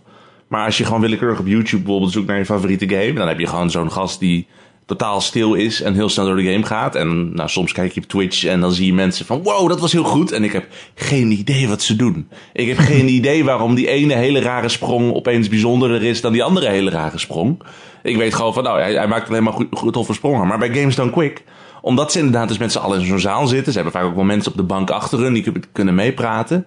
Ze lichten alles zo tof toe. Waardoor je inderdaad gewoon opeens een, een game die je al jarenlang hebt gespeeld... opeens ook op een totaal andere manier leert benaderen. Ik bedoel... Ja. Je denkt van, nou, dit- dit- je denkt ook op bepaalde punten van speedrunnen is gewoon een kwestie van het juiste moment de sprongen timen. Van, nou, zorg ervoor dat je net op de laatste pixel met een dash jump gewoon de juiste move maakt. Maar het is ook, ze zitten soms ook gewoon de hexcodes van het spel te editen. Door bepaalde, sp- bepaalde stapjes naar links en rechts en zo te doen. En bepaalde items op het juiste moment op te pakken. Zodat er ergens anders in het spel precies de juiste vijandspant die ze nodig hebben om een stukje over te slaan. En dan denk ik van, wow, hoe weet je dit überhaupt? Het is Ja, zo ja. bijzonder. Ja, zeker. Het is heel bijzonder om te zien. En eh, wat ook wel grappig is, is het, is, het is echt zoiets dat je altijd op de achtergrond aan hebt. Want Ja. je ziet gewoon vier van die mensen op een bankje zitten. Die zitten gezellig te kletsen. Op de achtergrond staan eh, een paar rijtjes met stoeletjes waar eh, mensen kijken naar hun favoriete speedrunners. Er is gejuich vanuit de zaal, geklap op de mooie momenten. grappige momenten. Er zitten altijd wel wat grapjes in. En soms dan, ga, dan ja, krijg je zeg maar zo'n dual speedrun. Waarbij twee mensen eh, tegen elkaar strijden op dezelfde tv. Of misschien wel twee losse tv's. In ieder geval in de stream zie je dan de twee schermen naast elkaar. En, en die lopen elkaar een beetje te plagen. Wat stootjes uit te delen hier en daar. Het is gewoon grappig om naar te kijken. Het is echt heel gemoedelijk. En wat ik al zeg, het gaat allemaal naar een goed doel. Mensen kunnen doneren. Ehm, ja, save the animals. En eh, Nee, meer inside jokes. Save the frames, man. Save the frames. Nee, dat is... eh, heb, jij, heb jij nooit gekeken, Erik? Nee, ja, het- Oh, ik weet niet. Ik hou er eigenlijk niet? niet zo van, denk ik. ik ja, het blijft toch kijken naar andere mensen die een game spelen. Heb, heb je het ooit geprobeerd? Ja, ja. Nou, wat, het enige wat ik wel leuk vind is games die ik vroeger dan veel speelde. Om dat dan nu te zien hoe mensen die game helemaal uit elkaar trekken, zeg maar. Ja. en al die dingen dat je denkt, eh hey, daar zitten allemaal geheimpjes die ik nooit gevonden heb toen ik klein was. Of toen ik die game speelde. Hm. En, en mensen die... De, of iets wat, wat jij toen heel moeilijk vond, weet je wel. Zo'n sprong in de Lion King of zo. Dat, dat je dacht, jezus, dat kan ik nooit halen. En Nee. dat iemand daar zo in één keer eh, doorheen stormt. Maar dat is eigenlijk... Dat vind ik dan eigenlijk het enige leuke. Maar als ik dan door zo'n eh, schedule kijk en allemaal spellen die, die ik ofwel ken, maar niet veel mee heb. Of die gewoon heel slecht zijn. Want ze doen ook expres slechte spellen volgens mij. hè.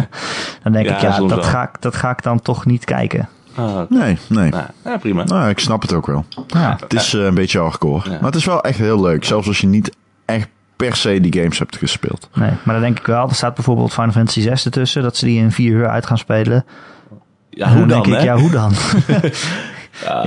ja, je hebt altijd eh, level skips en zo, weet je wel. Maar wat dus Ja. het ding was met dat Save the Animals, Save the Frames, om dat nog even uit te leggen. Dat ze spelen rond het einde spelen ze vaak eh, Metroid, eh, Super Metroid spelen ze uit. En aan het einde van Super Metroid heb je altijd de keuze of je wel of niet een, eh, wat diertjes redt terwijl de planeet opblaast. En een van de grootste donatiedoelen, dan kunnen mensen zeg maar bij een donatie zeggen save the animals. Dus dan moeten ze de dieren redden. Dus dan moeten ze nog even die kant op en weer terug en het spel uitspelen. Of mensen kunnen doneren voor het doel save the frames. Want ja, Oh, als ja. je dieren redt, dan duurt duurt de game langer. langer. Dus het kun je eigenlijk beter overslaan. Maar dat is dus zo'n concurrentiestrijd van mensen die... Van, ja, wie, wie doneert er het meeste geld aan het goede doel om te zien hoe Super Metroid eindigt? Ja. En dat is echt de hele, hele week hoor je inderdaad alleen maar bij iedere donatie hoor je mensen ook inderdaad gewoon save the animals of save the frames. Of weer interpretaties daarvan. Nou, superleuk. Ja, moet kill the animals. Kill the animals. ja. Kan ook. Ah, oh, ik heb er zin in, joh. Ik ga zo meteen even eh, het schema ook weer in een eh, chatbotje zetten. Dan we- weet ik gewoon wanneer alles gaande is. Het wordt leuk. Ja, om nou te zeggen dat ik er zin in heb, gaat me dan wel weer wat ver. Ja? Ik, ik, ik beleef dat heel passief, zeg maar. Ik kan er niet echt... Je eh, gaat er niet lekker voor zitten. Nee, nee, nee. Dat komt en dat sluipt in mijn dagelijkse patroon. Op een gegeven moment dan, dan is het afgelopen en dan mis ik het ook niet of zo. Het is gewoon, het wordt eh, part of my daily life. Maar aangezien ik vakantie heb, what up? Oh, lekker. Dat is perfect, joh. eh, kan ik gewoon de hele dag doorkijken. Een freelancer heeft gewoon vakantie wanneer hij zin heeft. Hè? Shit. Dat is waar, maar ik heb hem wel geboekt. Even, even Ik dacht vragen. Momentje. Aan jezelf. Ja, nou ja, precies. goed, op het 11 maanden werken, één maand vrij. Ik vond dat een mooi ratio. Hoe Zeker. snel zou je Pokémon Go uit kunnen spelen? Nou, Nou, als ik in een week iets van 20 Pokémon had gevangen. En je dat zou ik wel een alles stream levelen. vinden. Dat je echt aan het eh, rondrennen bent door de stad om, om zo snel mogelijk een nieuwe Pokémon te vangen. We hadden het er bij een, bij een gamer eh, brainstorm vergadering nog over. Want ik heb dus inderdaad, ik ben hier zo'n artikelreeks aan het doen dat ik zeg maar alle ge- digitale Pokémon zeg maar aan het vangen ben. Dus gewoon in de 3DS games. Van misschien, dat we dat misschien ook moesten doen met die Pokémon Go Pokémon. Maar ik denk dat ik dan gewoon drie jaar lang een artikelreeks moet vullen of zo. Dat Nou, is gewoon niet te doen. Ja, nou ga ervoor. ja, die willen we wel niet. Eh, eh, Even, even, even, even aanzien. Maar nee, ik denk dat je daar zo lang mee bezig bent, joh. Denk wel. ja. Ik denk ook dat er niet echt een punt is waar je het gevoel hebt dat je klaar bent. Want dan, moet heb je je alle Pokémon en dan heb je iets van, ja, nu moet ik deze gym beschermen. Dan moet je expres naar, naar het strand of zo. Of naar eh Verdorie, ga ik weer Snorlax. wandelen in de bergen. Een Snorlax te vangen. Mr. Mime heb je alleen in Brabant natuurlijk. Ja, Snorlax heb ik al ooit gevangen. Alleen bepaalde tijden van het jaar, hè? Ik doe op Erik zijn moeder. Jezus. Ron, Ja. heb jij nog een leuke game eh, in het vizier? Nee. nou, wel in het vizier, ja, inderdaad. Eh Through is een Kinect game. En nu denk je, wat? Kinect? Bestaat het nog? Wat? Ik wist het ook niet, serieus. Er zijn nog studio's die geloven in Kinect. En dat vond ik dus heel grappig. Eh, het is een eh, Global Game Jam game. En het is, ik vind het zo ontzettend grappig dat er dus een Kinect game uitkomt die daadwerkelijk er tof uitziet. Ehm eh, Through is een, eh, nou, je, je hebt een mannetje dat begint eh, zeg maar aan de, zeg, eh, de, de rechterkant van het scherm. Nee, dat klopt niet eens. Het is de linkerkant van het scherm. Oh, En wacht hij moet even. Ik naar- had hem net aan de rechterkant voorgesteld. Ik nou, sorry, wat moet terug naar de linkerkant. Kom op, joh, je kunt het. Eh, hij moet naar de rechterkant, dus. Oké. Eh, hij begint van eigen te lopen. Nou, in het midden is vaak een, eh, een gat. Dus dan kan hij niet door, maar hij moet er wel door, want anders gaat hij dood. want hij blijft lopen. In het midden is vaak een gat. Ja, in een het goede midden is vaak een gat. Ja, ja, Heb je, heb, je niet gewoon Inside gespeeld? Het begint hetzelfde te klinken. Eh, nee, nee, nee, nog niet. Ehm, maar ehm, eh, je ziet jouw silhouet, want dat projecteert eh, de Kinect-camera op het spelvlak. En door zeg maar jouw silhouet zo te plaatsen dat. ehm, je kunt zeg maar jezelf zo plaatsen en zo manoeuvreren dat het mannetje dat van links naar rechts loopt via jouw silhouet van, van jouw lichaam zeg maar eh, naar de andere kant komt. Dus stel hij komt linksonder aangelopen, maar daar linksonder kan hij niet door, dan kun je zeg maar zijn eh, je hand uitsteken zodat hij over jouw hand loopt. En dan kun je hem daar weer ergens afzetten. En vervolgens dan moet je jezelf achter een pilaar plaatsen. Die pilaar zeg maar een beetje naar voren stuwen. Zodat hij weer daarop kan springen. En vervolgens moet je hem weer via je linkerhand naar de... eh, of rechterhand, whatever. eh, naar, de, naar de rechterkant begeleiden. Dus het is heel grappig. Als je er naar kijkt, denk je echt van... Wauw, waarom heeft niemand hier ooit eerder aan gedacht? Ja. En het antwoord is natuurlijk... Omdat er geen geld in zit. Ja, en Maar het is waarom wel denken ze er ook aan net nu de Kinect overleden is? Het is heel Ja, zuur, ja. want ik heb nu een Xbox zonder Kinect, omdat dat ding geflopt is en dit wil ik spelen. Ja, ja, het is echt heel leuk. Het is echt heel leuk. Het is van een Nederlandse studio, overigens. Oh, Ah. Ja, Through Games. Ja. Goeie Hey, naam. maar, maar kun je nou ook zeg maar dat, dat mannetje wat je helpt een beetje nakken? Dat je zeg maar je hand uitsteekt en hem dan Een gewoon weggooit? nakken? Nou, dat je hem bijvoorbeeld gewoon weggooit of zo als hij op je staat. Nou, dat kan wel. Als jij je arm intrekt, dan valt hij Dan natuurlijk. heb je wel verloren. Ja, ik weet niet. Ik dan Ja, maar er zijn heel veel van die mechanics ehm, die eh, in die game zitten. Het is niet alleen zo, alleen het is heel moeilijk aan me uit te leggen. Dan moet je uitbeelden. Ja, dat kan ik niet eh, via een po- in een podcast even lekker makkelijk Hup, vertellen. zet de camera aan. Nee, nooit. Maar ik heb net worsten op, dat wil je niet zien. Het is een grote chaos. maar het ziet er heel leuk uit. En mocht je een Kinect hebben, het is echt niet zo duur. Hij komt 13 juli uit. Eh geef, het, eh, geef de kans. Oké, en moet ik er een Connect, Kinect voor kopen? Ja, je moet er absoluut een Kinect voor kopen. Ik heb wel een Eh. PlayStation camera. Komt u daar ook op uit? Nee. Oh, dat is nou wel jammer. Waarom nee, het is je echt een eh, Kinect exclusive. Ja, ongekend eigenlijk, ja. ik heb hem vast gekocht omdat ik een PSVR ga kopen. Ah, Oh, oké. Oh, wat slim, joh. Ja, dan sp- Oh, ja. spreid ik de uitgaven een beetje. Ja, dat doe je dan. Inderdaad, dat is Voelt, correct. voelt het toch nog mooi goedkoop. Precies. Ja, en dat is nou moet ik hem wel kopen, want ik heb de camera al.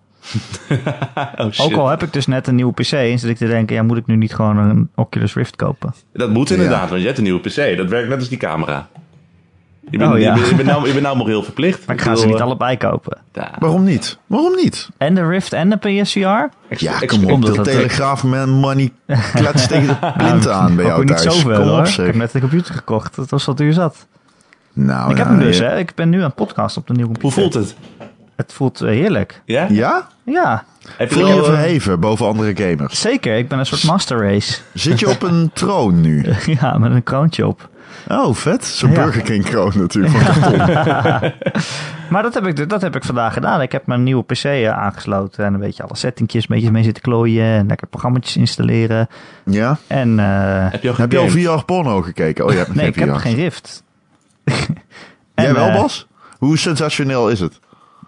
Ik, ik, ik, ik weet niet zeker of ik dit hardop wil zeggen. Nee, ik, ik weet heb waarom ik vraag? ik- ik heb Omdat ik- weet dat iedereen die zo'n ding heeft dan natuurlijk gaat kijken. Want dat, dat is zo super logisch. Je wilt weten hoe het is. Dat is gewoon... Ja, dan ben je benieuwd naar. Ik heb met mijn, Rift heb ik, met mijn. Rift heb ik er nog niet naar gekeken. Dus ik heb nog niet de echte HD eh, VR-porno gezien. God, mijn Is het ook 3D trouwens dan? Eh, Ja. nou, de ding is dus, ik heb inderdaad, bij nu.nl heb ik ooit zo'n Samsung Gear VR op gehad. Waar we inderdaad eh, VR-porno mee kijken. Het is inderdaad 3D, want het is natuurlijk voor één voor ieder oog. En ze kijkt ook constant naar je, dus het is super intens. Maar ik denk van, oh shit, waar moet ik heen kijken? Maar het ding was bij die video, die was dus niet... De meeste, eh, de meeste VR-video's zijn 360 graden. Dus nou, als je achter je kijkt, dan zie je dan misschien de muur of wat dan ook. Ja, maar leuk. deze video is je lekker 100 porno kijken? Ga je Kan je dan... lekker naar de muur achter je zitten kijken? Ja, maar deze video Nou, was nou, ook nou, 180 naar graden. buiten, Dus. Wat een leuk behangetje. Maar dit was 180 graden. Zij zat me super intens aan te kijken. Dus als je dan af en toe je ongemakkelijk voelt. Ik zat sowieso op kantoor, dus ik voelde me al aardig ongemakkelijk dat ik in die scène opeens zat. Maar dan kijk ik achter me en daar zat ze ook. Want het, ze hadden gewoon de video aan de achterkant nog een keer opgeplakt. Dus Oh. ik kon ook niet van haar wegkijken op dat moment. Dus ik zat een soort van gevangen tussen eh, een tweeling pornoster die twee keer hetzelfde aan het doen was. Nou, wat Kijk. vervelend. Nou, wat vervelend inderdaad. Maar inderdaad, dat je dan gewoon naar buiten zit te kijken. Je- Ah, doe jij je ding? Oh. Ik ga even kijken wat voor vogel daar nou Volgens zit. mij, ja, ja, ja, de aardappelen zijn klaar. Dat je gewoon ook op kan staan. Het enige wat ik wel ongemakkelijk vind aan VR-porno... is dat elke keer als het in de podcast gaat over VR... dat Ron dan over porno begint. Dat Ja, klopt, dat is een dat groot interessegebied. Ik snap het Ja, wel. ja, het is echt interesse. Ik vind dat echt, echt serieus fascinerend. Ik denk namelijk ook echt, dat meen ik serieus. Ik denk daadwerkelijk dat dat een USP wordt gewoon. Hoe was, Ja, je, hoe, was je worst net? Heerlijk, dankjewel. Ja, Dank je dat je het vraagt. Ja, Thanks geen- for asking. Ja, geen probleem. Maar je kan dus niet, als je die rift op hebt... dan kan je niet het toiletpapier vinden, hè Ron? Dat kan Nee, je nee, niet zien. Dan moet je zo'n Nee, waar sok gebruiken. nee, gewoon hard naar buiten rennen, toch? Ja, met die Rift op, dat gaat... eh, Eh, nou, als ik een rift zou kopen, Ron, dan mag je altijd langskomen. hebben jullie die Nee, ene nee. video trouwens... eh, Nee, ik ben er dus, dat is het ironische. Ik ben er zelf niet zo heel erg benieuwd naar. En dan Ja, denkt doei. iedereen van, ja, daar, dikke doei. Ja, maar dan meen ik. Ik zou het ook toegeven als het wel zo was. Ik bedoel, nee, dat is niet zo dat ik denk, ik ga een VR-headset kopen en de hele dag porno kijken.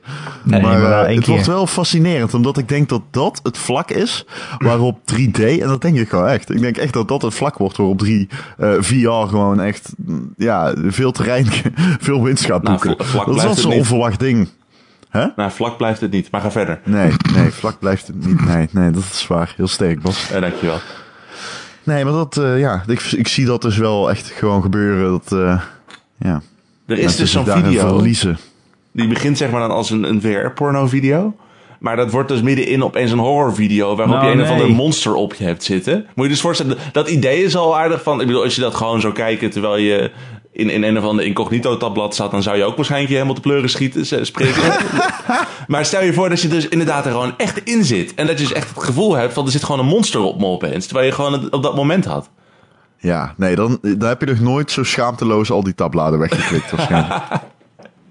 Oh, dat is wel eng.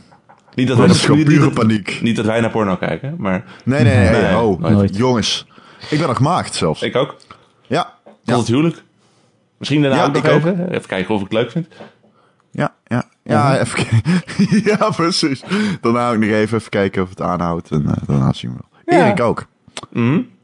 Nee hoor, Ja. zeker niet. Ik heb Oh, al, jullie moeders al gedaan, dus. Oh, dat is waar. Oh, ja, dan ben ik ook geen maag meer nu ik daaraan denk. Bastiaan, hoe is het eigenlijk met je Rift? Want jij hebt er een. Ja, is het nog Ehm, leuk? Speel je er veel op? Speel je er veel op? Ik dat is zie, ook op het moment speel ik er wel weer veel op, omdat ik ook gewoon een beetje eh, met re- software reviews bezig ben voor eh, Gamer. Dus ik ben eh, onder andere bezig met Eve Valkyrie. Dat is meer een minigame dan ik had verwacht. Minder groot dan ik had verwacht. Is het geen grote echte game? Het is wel, ik bedoel, het is wel een, een echte game, maar het is... Ja, het, het zijn alleen maar dogfights. En dat is, dat is wel heel vet, maar het is op zich... Ja, het is niet dat er iets breders omheen hangt. En dat maakt het minder spannend. En ik, in Lucky Still ben ik aan het spelen. Dat is op zich wel aardig. Dat is een beetje Banjo-Kazooie Mario 64-achtige platformer. Die bekijk je ook van bovenaf. Ik dacht dat dat helemaal totaal oninteressant zou zijn. Want waarom zou je in virtual reality alsnog de wereld van bovenaf bekijken? Maar je- omdat je zeg Ja, maar er helemaal in zit opgesloten en zo echt in die wereld hangt, is het toch wel heel meeslepend. Maar kun je dan ver, verder kijken als je zeg maar... Eh, nou, het is dus zeg maar, de camera is semi... Je, je kunt wel enigszins draaien op sommige punten, maar de camera beweegt natuurlijk mee. Maar je kan, als jij gewoon naar voren kijkt of even iets meer naar ho- om- omhoog kijkt, dan zie je inderdaad wat daar Ja. misschien nog is. Dus als je bijvoorbeeld voor een boom staat en je kijkt omhoog, dan zie je van, oh, daar hangt nog een muntje wat ik wil pakken. Ja. Op die manier kun je het op Oh, zich ja. wel doen. Maar je personage, dat, ja, dat is gewoon... Je bent eigenlijk een soort van god die boven dat personage hangt. Ja. En, ja, maar ik speel vooral nog Elite erop eigenlijk. Dat is wel de VR-game, naar mijn idee. Mag ik vragen hoe jij dat doet met je toetsenbord? Jij ziet je toetsen niet natuurlijk. Nou, dat is dus het ding dat de meeste games zijn gewoon controller games. Dus eh, Lucky Still eh, speel ik met de controller. Dus gewoon een Xbox eh, One controller. Die krijg je ook bij de Rift. En E-Valkyrie en Elite speel ik met een joystick. Want ik heb echt zo'n HOTAS joystick. Dus heb ik de rechterhand heb ik dan echt zo'n... We gaan echt van VR-porno naar joysticks. Maar dus dat ik echt aan het sturen ben. En links heb ik echt zo'n roer waarmee ik harder of zachter kan gaan. Dus, en, en daar heb je je handen eenmaal op. Of je hebt de controller gewoon vast. En dan blijven ze Ja. daar gewoon. Maar ik heb wel af en toe inderdaad dat ik bij Elite dat dan een knop nog niet op mijn joystick stond. Dus dan moest ik mijn keyboard gebruiken. En dan kijk ik echt helemaal omhoog. En dan gluur ik zo door het neusgat van mijn Rift. Waar dan zeg maar nog net wat licht doorheen komt. Om mijn toetsenbord te zien. En dan zeg ik, ik denk dat als je me ziet dat ik een totale maloot ben. Als ik op die manier aan het rondkijken ben. Maar ja, op noodgevallen doe ik het op die manier. Maar de meeste, Ja. ik bedoel, die games zijn natuurlijk ook ontworpen om meestal niet met een toetsenbord gespeeld te worden. Nee, dat is inderdaad logisch. Ja. Ja, maar je kan niet eh, even een slokje drinken nemen of zo tussendoor. lastig. Dat is sowieso, ik bedoel, je- zelfs als je weet waar het drankje staat. Ik bedoel, er hangt zo'n superbreed ding gewoon op de hoogte van je neus. Nou, probeer eens een glas drinken te nemen zonder dat je neus erin terecht komt. Dus je moet echt, als, als je dat zou doen, dan zou ik je hele hoofd moeten meebewegen. En ik vind het alsnog een eng idee om een glas drinken op die manier bij een apparaat van 700 euro te hangen. Dus dat ga ik ook maar niet Zo. doen. Dat kun je wel zeggen, ja. Dat is gewoon Ja. doodeng. Dus ik ga gewoon lekker even vooraf wat drinken. En eh, ook, ook, ja, gewoon echt gewoon goed water. Want anders moet je binnen 10 minuten weer naar de wc. En dan mag- moet je dat ding weer af. En moet je weer opdoen. Het is wel een gedoe met brillen hoor. Zeg. Pff. Ik heb echt Ja. zo'n best wel grote bril. En het steeds dan zet ik hem op. En dan, is, dan heb ik mijn Rift op. En dan is mijn bril net weer vies geworden. Omdat hij ergens tegen mijn neus aangeduwd is of wat dan ook.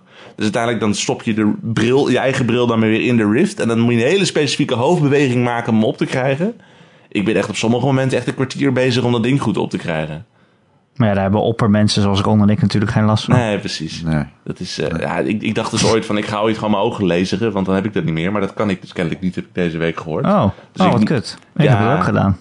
Ja, heb, je, heb jij gelezen? Ja, Ah, ben je loose op je, joh. Nee, ik, ik heb een of Nou. andere... eh, ja, totaal niet interessant voor de podcast eigenlijk. Maar ik heb een of andere vertekening in mijn oog... waardoor mijn een- ene oog iets meer de andere kant op kijkt dan de ander. Dat, niet, dat ik, niet dat ik scheel kijk als ik tegenover je sta... maar mijn hersenen compenseren steeds. Daar heb ik een speciale bril voor nodig. Maar ja, die speciale bril en laseren, dat gaat natuurlijk niet samen. oh kut. Dus nou... Het Maar is kut. gedoe Dan gaat de. VR-revolutie een jaar voorbij. Hadden jullie nou de PlayStation VR opgehad? Of waren jullie niet bij dat ding? Eh, ik was niet bij dat ding. Ik was Nee. ook niet bij dat ding. Ik heb die nog niet opgehad, nee. Nee, Ah, oké. ook Nee. Hij schijnt heel comfortabel te zijn. Ja, en ik hoor, Ja. ik hoor ook dus voor brildragers en zo. Dat je hem gewoon opzet en klaar. Ja, geraffineerd eindproduct heb ik gehoord. Maar ik ben Ja. benieuwd naar de daadwerkelijke VR. Dat die goed zit, dat geloof ik wel. Hm. I'll take the pain. Ik, Ik wil weet- gewoon dat de VR vet is. En ik heb begrepen dat hij een beetje low res is. Dat is wel in lijn der verwachtingen, maar... Het is lagere kwaliteit dan de Rift en de Vive. Maar dat, eh, dat heeft Sony zelf inderdaad ook zo expliciet al gezegd. Het is, maar dat is ook logisch. Want je hebt een PlayStation 4 van 400 euro. Je hebt geen PC van 1000 euro. Het is heel logisch. Het is wel jammer. Het is heel logisch. Die Neo mag er voor mij snel genoeg komen. ja. Maar dat is, het hoeft ook niet erg te zijn. Ik bedoel, als je een Gear VR op hebt... dat is ook een lagere resolutie die je van, dan, dan je van een Rift hebt. Maar daar kun je toch ook hele vette ervaringen op hebben? Ja, volgens mij als je er eenmaal Nee, in zit. absoluut. Als je er eenmaal in zit, dan maakt die resolutie en zo maakt ook niet zoveel meer uit. Nee, Maar precies. het is wel fijn als de resolutie hoog Het is. is wel fijn, maar ik denk dat je er wel aan bent. Ja. Dat, dat weet ik 100% zeker, ja. En het ding is ook, het gaat, uiteindelijk gaat het om de race naar hoe het over een paar jaar is. Hè? En dan al die resoluties gaan overal weer omhoog. En dat, dat je nu misschien wat lager zit, betekent niet dat je over een paar jaar niet een fantastische ervaring hebt. Dus ook door die Nio en zo. Ja, maar ik denk dan van een Rift wel van, eh, daar kan je altijd nog een sterkere PC op aansluiten. Terwijl zo'n PSVR wordt wel eh, gemaakt voordat die in de PlayStation 4 gestopt wordt. Ja, dat is waar. Nou, we gaan het zien. Misschien dat dat met, eh, met de Nio inderdaad helemaal opgelost is. Ja. Heb je verder nog wat leuks gespeeld, Bastiaan? Ik, eh, spelen is een groot woord, maar ik... Houden jullie van klikkers, jongens? Nee. Nee? Nee, ik Nee, hou van ik vind- games met gameplay. Ah, er zit gameplay in. Nee, zit niet. Ik, eh, ik, ik, ik, ik zit inmiddels al aardig wat uurtjes in Tap My Katamari. En dan, kennen, we kennen waarschijnlijk allemaal de Katamari games wel. Dus dat je zo'n bol rolt en die wordt steeds groter en uiteindelijk gooi je de hele wereld mee. Dat doe je hier ook in, maar niet, je, het is niet dat je hier aan het sturen bent om dingen op te pikken, maar je tikt gewoon op je scherm. En hoe vaker je op je scherm tipt, hoeveel hoe, meer meters je ver komt, hoe meer geld je vindt, hoe meer je kunt upgraden, hoe sneller je kunt rollen, hoe, hoe meer neefjes je kunt inhuren om te helpen met rollen. En je bent alleen maar upgrades aan het kopen en aan het tappen. En als je het spel afsluit, dan, is, dan wacht er op het eind na een paar uur ook weer een beloning, omdat de bal uit zichzelf ook een beetje doorrolt. Dus je hebt altijd weer, eh, iedere ochtend is een feestje, joh. Dan heb ik acht uur gespeeld. altijd dopamine, dopamine, Ja, dopamine, dopamine, gewoon- dopamine. Maar dan kun je beter cocaïne doen. Het erge is dat ik sinds vandaag, ik weet niet of het door een update komt of dat het pas later in het spel komt. Maar ik had opeens eh, de mogelijkheid om mijn Facebook profiel te koppelen. Oh jee. En sinds ik dat gedaan heb, eh, zie ik de hele tijd van Erwin Vogelaar is verder dan jij. Erwin Vogelaar is verder dan jij. En ik rol ook letterlijk naar het, de foto van Erwin om hem in te halen. Dat is niet goed kan je voor hem dan mij. mee rollen ook? Dus eh, hij staat gewoon stil. Ik weet niet hoe hij het doet. Hij heeft gewoon de perfecte balans gevonden op een of andere manier. Nee, maar het is echt... het- ja, Maar je bent alleen maar op het scherm aan het tikken. het is alleen maar Ja, tikken, tikken, tikken. Het is progressie om de progressie. Daar hou ik om de een Ja. of andere reden voor. Het is waarschijnlijk heel slecht voor me. Ik kijk Het tegelijk is toch juist fijn om progressie, progressie te krijgen omdat je het verdiend hebt ergens mee. Ja, ik heb het verdiend. Ik heb het verdiend. Ik heb het verdiend met een hele rare move. Ik bedoel, ik heb er niet heel veel voor hoeven doen, maar ik heb er wel iets voor moeten doen. Ja, Ja, toch? weinig. Alleen maar op een scherm tikken. Ja, shooters zijn toch ook gewoon richten en je trekker eh, trekken? Maar je moet wel goed richten. Ja, maar, niet ik, goed maar ik, tikken. ik, ik kan ook sneller tikken. Ik ben bijvoorbeeld heel slecht in shooters. Ja, maar Maar ik, ik ben niet slecht in tikken. Ik heb bijvoorbeeld in Tap My Katamari, ik heb een tactiek joh. Ik, als ik, eh, want eens in, de eens in de tien levels, dan moet je een time trial doen. Dus dan moet je zo snel mogelijk eh, een, een doel behalen. En dan pak ik mijn telefoon vast alsof, alsof ik een Gameboy vast heb. En dan gebruik ik alle mijn, allebei mijn duimen om vlak achter elkaar te tikken, zodat ik twee keer zo snel tik. Dat zijn skills hoor. Dat, ik ben een MLG pro in deze game. Maar als je bent gewoon helemaal getikt. Lead. Nee, dat is, eh, ik, ik, ik, ik geniet ervan. Och, Erik. Ron, heb jij wel iets leuks gespeeld? Hey. Echt Erik, serieus. Eh, ik heb niet zoveel dingen gespeeld, nee. Nee, ik kan er heel eerlijk in zijn. Ik heb niet zoveel gespeeld. Ik ga het wel doen. Ik heb niet alle tijd eh, der wereld. vakantie. Ja, heerlijk. Ehm, ik eh, heb Apophian, Apophian gespeeld. Pas, ja. Apathian. Apophian. Een 2D pl- site... Nee, niet, ja, maar een 2D platform. In principe een side-scroller, I guess. Anyway. Ehm, het is heel leuk om naar te kijken. Het is iets minder leuk om te spelen. Een soort En klikker. daarom heb ik hem na een uur ook alweer eh, teruggegeven aan Steam. In de hoop dat mijn geld inmiddels is overgemaakt naar mijn PayPal-account. Eh, want eh, ik had zoiets van, nee, nee. Volgens mij was hij een keer gratis bij PS Plus ook. Eh, het zou kunnen, dat weet ik niet. Nou, ik was er geen fan van. Dat zal ik heel eerlijk zeggen. Dat is toch die Eh. platformer in Griekse stijl of zo? Ja. Ja, ja, ja, ja. Mhm. ja, Als een ja, vaas eh, ziet het eruit, zeg maar dan. Ja, ja, ja. Als een Griekse vaas. Ja, ja, ja, ja, ja. En ik zou eigenlijk heel graag Undertale willen uitspelen, maar... Een of andere doofus heeft mijn laptop laatst gestolen. Waardoor ik een nieuwe heb moeten kopen. En Undertale support, support geen, eh, geen Cloud Steam eh, saves. Ah, Geen Steam Cloud saves. Zuur. Ja, dat is fucking crappy, want ik had hem bijna uitgespeeld. Dus Oh. daar baalde ik wel van. Dus eh, die ga ik laten liggen en dan gaan we gewoon verder met This War of Mine. Want die, die moet ik nog altijd uitspelen. En dat vind ik echt heel balen. En, eh, Balen die- dat het die- nog moet of fijn dat ja, je... ja, balen dat dat nog moet. Ken je dat gevoel dat je weet dat iets goed is en je wilt eraan beginnen, maar je wilt de investering van tijd en moeite gewoon niet doen? Je- Ron, je ik heb, gewoon- Ron, ik heb gewoon net een PC gekocht en er zijn 2000 spellen die ik nog kan spelen. Ja, welke ga je spelen? Dat is een veel betere vraag. Wat is nou de game die jij gaat spelen op je gloednieuwe PC? nou, ik ben dus eh, al eventjes begonnen met een game. Super Meat Boy. Nee, eh, Pillars of Eternity. Oké, maar dat is, wel, ja, dat is ook nou niet echt dat je zegt van, daar koop ik een nieuwe PC voor, want die kun je ook draaien op je MacBook van vijf jaar oud. Ja, maar, mijn PC was ouder dan dat, dus ik kon hem niet draaien. Maar Dat is wel echt de wilde wel- ultieme, ultieme Erik game, heb ik het idee hoor. Een hele fijne game. het is ja, wel echt een, ja, Baldur's Gate, maar dan nu, zeg maar. Ja. Het is En- wel en- een, echt een Erik game, ja. Maar, en daarna, want Pillars of Eternity, daar hebben we het vorige week al over gehad. Ja. Wat, wat ga je daarna doen? Nou, dan? ik heb nog een paar downloads aangezet. Het Civilization natuurlijk heb ik aangezet. Eh, en en ja, City. Skylines heb ik heel erg zin in. Oh, dat is wel een leuke game, zeker, ja. Maar ik, ik zoek eigenlijk nog iets om, eh, om mijn videokaart een beetje te laten ronken nog. Want ik heb dus wel een maar goede download je hem dan? Download hem dan, Pony Island. Ja, die had, ik, die had ik al wel gespeeld. Die komt nog aan laptop zelfs aan. Ja, Pony Island, briljante game. Eh, ja. Hij zat in een Steam sale, toch? Eh, Ja, ja, ja, zeker. Je kunt hem nu voor 3 euro downloaden. Ik bedoel, Misschien moet ik het ook echt, maar eens doen. doe ja, dat lachend. moet je gewoon. zeker doen. Ik ga nu naar Doe Steam. lachend. Hoor je me typen? Twee vingers in je neus en lachend. Pony terwijl je up op de that money. zit. Jezus, wat een leuke game. Eh, maar ik zoek dus nog iets, op, eh, iets, wat, iets wat echt een hele mooie PC-game is. Heb je The Witcher al gespeeld een keer? Ja, die heb ik Ja, op The de Witcher Xbox. 3. Op de Xbox Nou, heb ik die. Eh, Welke ik, eh, wat misschien nou niet echt heel erg zwaar nog is, maar nog steeds wel gewoon een mooie game, is Crisis 3. Ja. Ja. Ja. Ja. En die is heel goedkoop. Nou, ik ga hem eh, erbij zetten. ik zet hem op mijn lijstje. Maar eh, nou, ik hoop nog wel iets te vinden dat ik echt... eh, Far Cry 4, heb je die gespeeld? Nee, is, dat, is die heel mooi? Die is heel mooi. Nou, Far Cry Heel is mooi. Ja, ja. ja. oké, dan ga ik die wel eh, kopen. Is die nog in sale? Dan ga, Dat, eh, ik ga eens even voor je kijken. Wacht, zal ik eens kijken voor ga ik vast afronden, Ron. Ja. Ondertussen, ga jij even zoeken. Ja. De Gamer.nl podcast. Eh, volgende week zijn we er weer. Misschien heb ik dan wel Far Cry 4 gespeeld, je weet het niet. Hey, kan zomaar Eh, gebeuren. het zou zomaar gebeuren. Eh, je kunt hem downloaden via onze website gamer.nl. Je kan ook luisteren via ons YouTube kanaal. En eh, je kan je ook abonneren op eh, podcast services eh, over de hele wereld. Zo. Bijvoorbeeld op iTunes. Dan krijg je hem vanzelf op al je Apple producten. Als je dat toch Ja. bent, vinden we het heel leuk als je ook een recensie achterlaat een keertje. Even vijf sterretjes geeft of minder sterretjes. Wat je wil, wat jij vindt dat wij verdienen. En dan kun je ook nog een tekstje bijschrijven. Dan heb je een vraag of een opmerking voor de podcast of een onderwerp waarvan je graag wil dat we het behandelen. Dan kun je mij mailen. erik.gamer.nl Erik met een k. at gamer.nl Ron, Ja. hoe duur? Eh, hoeveel wil je ervoor uitgeven maximaal? Ehm, Wat is zeg maar jouw limiet? Ga je, ga, ga je nou afdingen voor hem? Dit is zo ja, werkt ja, het ja, niet, ik ga het spannend maken. maar als ik nu eh, hoger zeg, dan, dan neem jij de rest van de winst, of niet? Eh, ja, dat klopt. Ja, ja. Nou, het is nog niet zo'n oude game, maar Nee, het is helemaal geen oude game zelfs. eh 20 euro.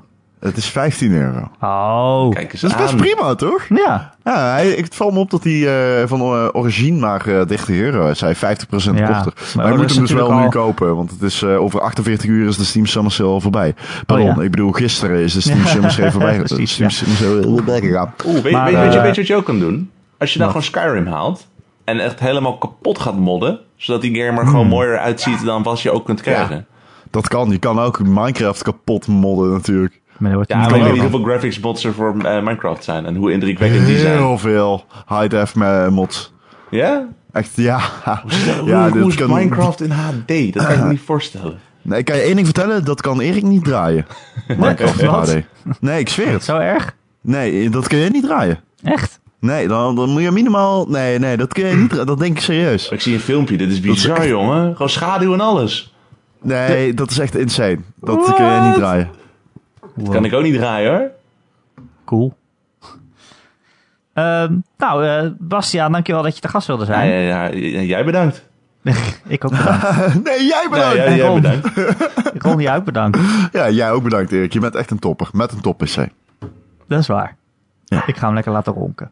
Ah, Ronke. Ah, Ronke. dat is goed. Snap je? Jij heet Ron. Ik snap. Dat is mijn naam. Ah. Fijn. Ja, ja, ja, zo zijn wij. Tot volgende week. Doei. Hey, hoi.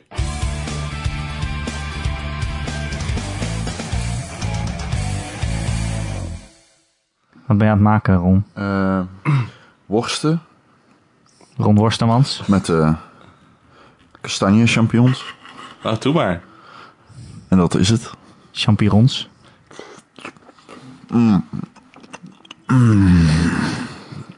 Zo, ik hoop dat dat... eh, Zit je naar die worst te eten? Kan je die worst zo overdwars in je mond eh, schuiven? Nou, Je moet even je gag-reflex trainen. Eh oké. Dit is wel raar, man. Ja, ik ben een worst aan het eten en jullie hebben het over gag reflexes. Ja. Ja. Nou, jij, jij, Hoezo? jij loopt niet te kreunen terwijl je worst aan het eten bent. Dat is waar. Maar ik geniet van mijn worst. Oh, dat is wel... Nou. Is het ook je eigen worst? Meerdere mensen genieten van jouw worst. Ik ben niet leuke worst voor iedereen. Waar ben ik terechtgekomen, jongens? Ik ben niet egoïstisch. Eh, dat klopt. Kim.nl worstkast. Worstkaas. Worst dat je luistert. Of je worst lust.